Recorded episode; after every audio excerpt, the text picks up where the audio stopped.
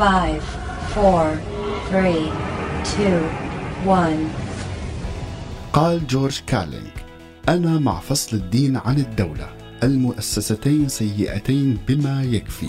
عندما ندمجهم ستكون النتيجة كارثية ومميتة. وقال إيميل زولا لن تصل الحضارة إلى الكمال حتى توقع آخر حجرة بدار العبادة على آخر رجل دين.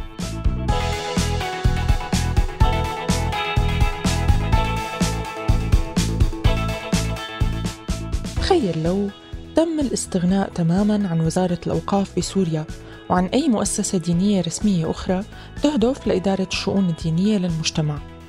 تخيل لو ما عاد في رقابة وإدارة مركزية للمنشآت الدينية الإسلامية وما عاد في جهة مسؤولة عن الأموال والممتلكات الموقوفة ولا مسؤولة عن التوجيه والإرشاد الديني بالمدارس والمجتمع.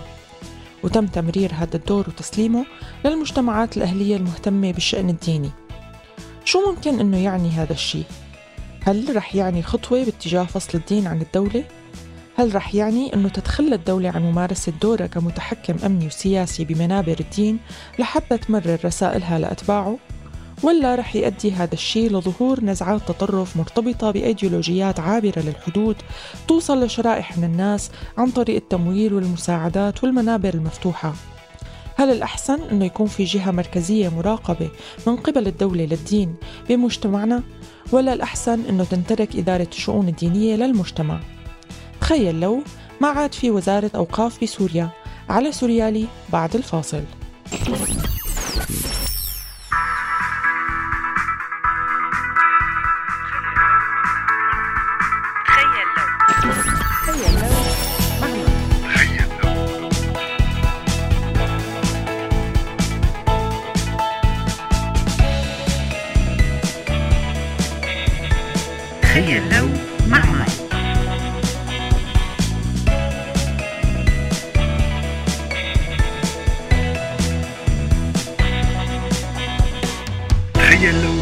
مع مايا على هوا سوريالي.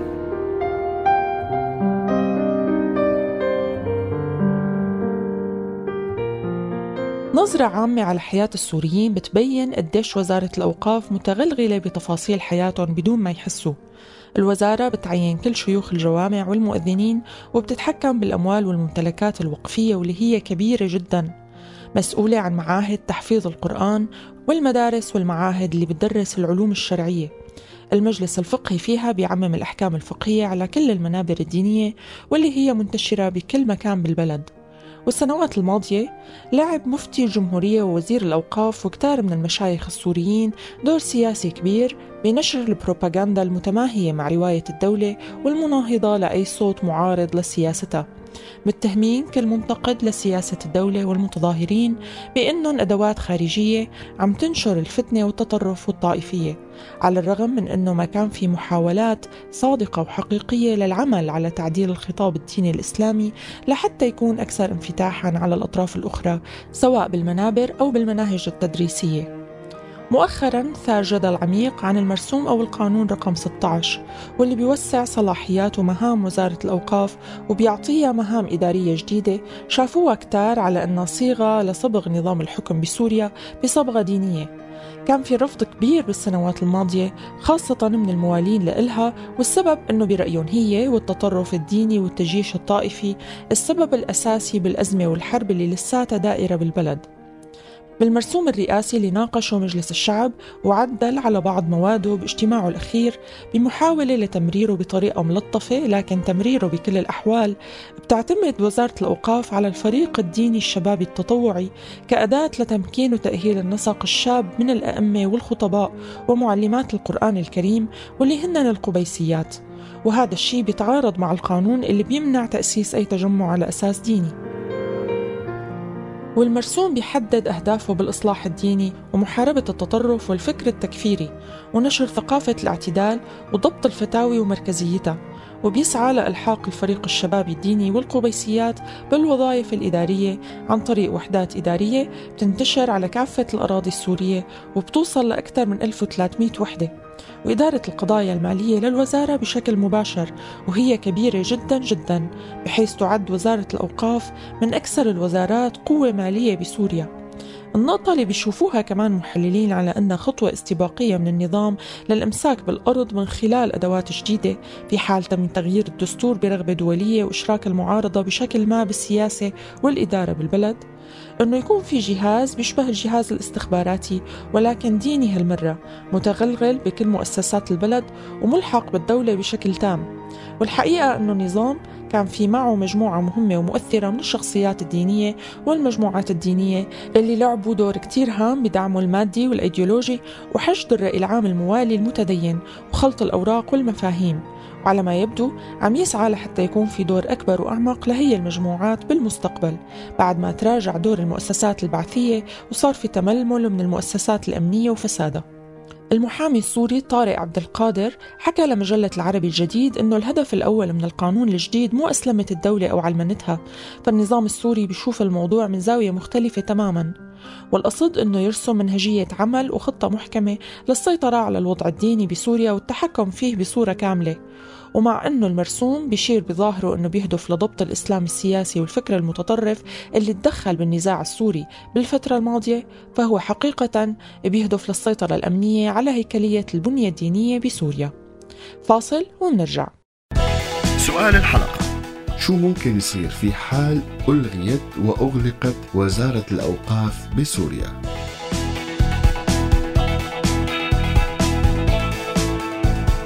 تخيل لو مع مايا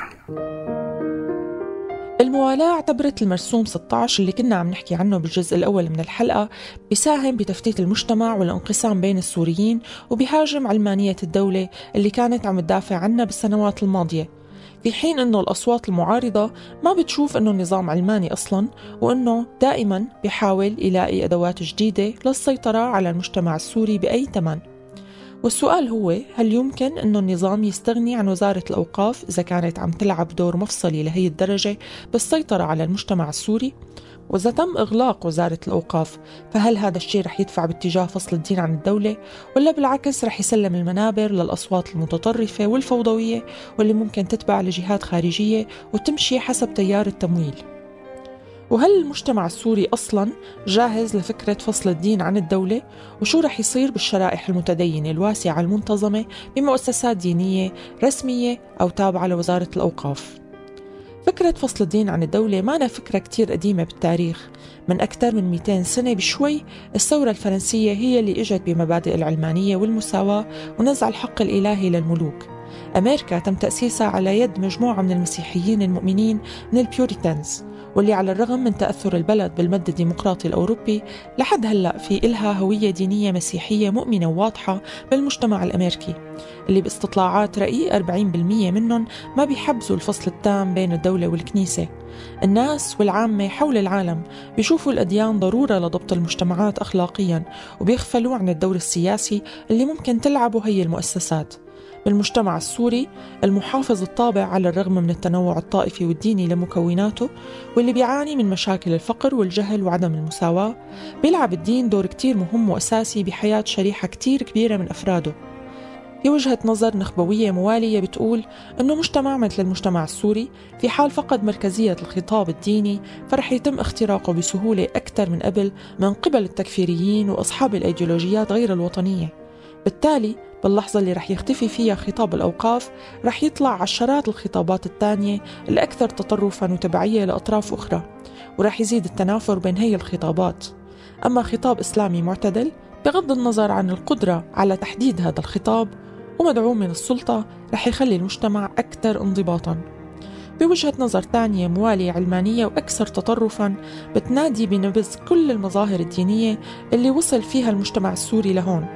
نبذها بالقمع والقوة مو عن طريق إرضاء الخطاب الديني ببعض المكاسب السياسية والإدارية والسلطوية وإنما إلغاؤه بالكامل ومنعه وبالتالي برأي هي المجموعة وزارة الأوقاف كل ما إلها داعي ووجودها بيخالف الهوية العلمانية للدولة اللي معتبرين أنه النظام السوري بيمثلها.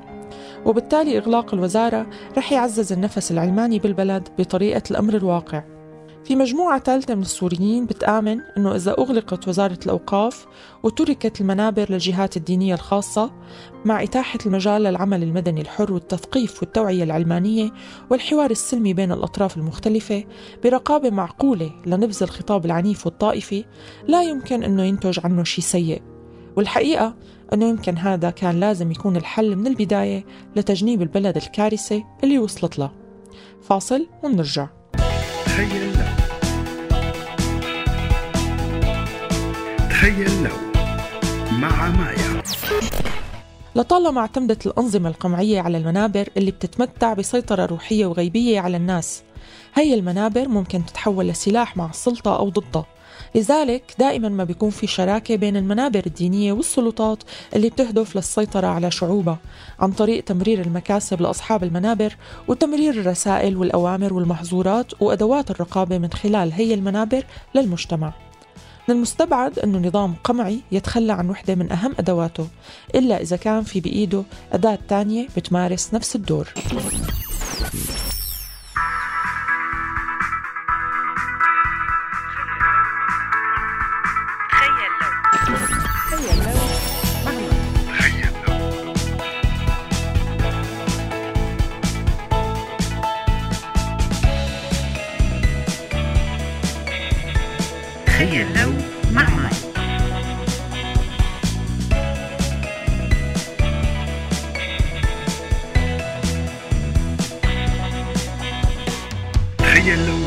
مايا على هوا سوريالي. هذا البرنامج من إنتاج سوريالي 2018